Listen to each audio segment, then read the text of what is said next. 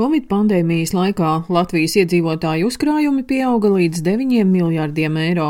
Finanšu nozares asociācijas pārstāvis Andris Lāriņš stāsta, ka pēc pandēmijas ierobežojuma atcelšanas uzkrājuma apjoms aug, bet lēnāk. Pēc Latvijas bankas datiem uzkrājumi joprojām pieaug Latvijā, bet kas, protams, gaidot nu, šo ziemu un redzot cenu pieaugumu, mēs redzam, ka uzkrājuma pieauguma temps samazinās, it īpaši nu, vasaras otrajā pusē. Tas nozīmē to, ka naudas rezerve ir iedzīvotājiem, lai kaut kā nu, mīkstinātu šo augsto inflāciju, bet viena no problēmām ir tā, ka 80% naudas pieder 20% iedzīvotāju.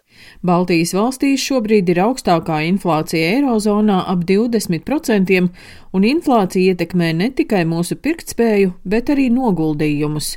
Turpina Andris Lāriņš. Nu, matemātika ir ļoti vienkārša. Ja, piemēram, man šodien ir 100 eiro un es viņus turu kontā, pēc gada tā prece, ko šodien var nopirkt par 100 eiro, ja inflācija, kā mums pēdējā rādītāja rāda, ir ap 20%, tad pēc gada man par šo preci prasīs 120 eiro, un man 20 eiro pietrūks, kas nozīmē, ka naudas vērtība būs kritusies. Un tieši tāpēc ir jāmeklē veidi, lai pēc gada man nebūtu šie 100 eiro, bet viņi būtu uzauguši vismaz līdz 120 eiro, lai kompensētu inflāciju. Pētījumu par iedzīvotāju uzkrāšanas paradumiem nesen veikusi apdrošināšanas sabiedrība Ergo.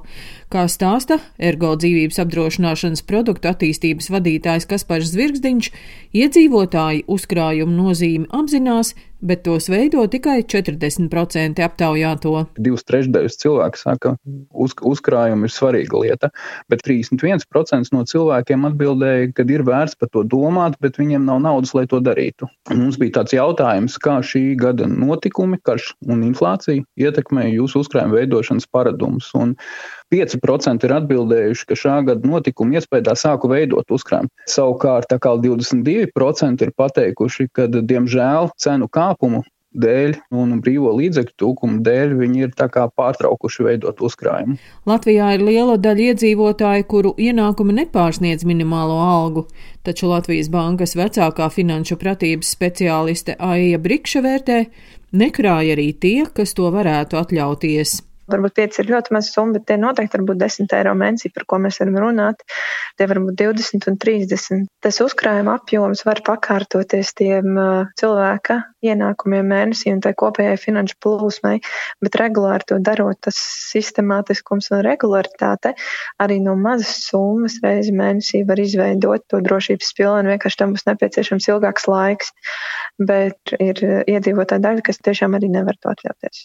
Kas varētu palīdzēt maksājumu veidošanā Aija Brikše aicina izveidot automātisku ikmēneša maksājumu. Iesakams pirms domāt uh, par tādiem automatizētiem risinājumiem, lai nav tas risks, ka vienkārši aizmirstās vai nesenāk. Bet, uh, ja mēs runājam par to otru uh, daļu, kurai tie uzkrājumi ir izveidoti pietiekami, tad jā, šis noteikti ir labs brīdis, kad domāt par ieguldīšanas iespējām. Ir tādas ar mazāku risku pieejas, uzkrājušā dzīvības apdrošināšana, var palielināt iemaksas trešajā pensiju līmenī.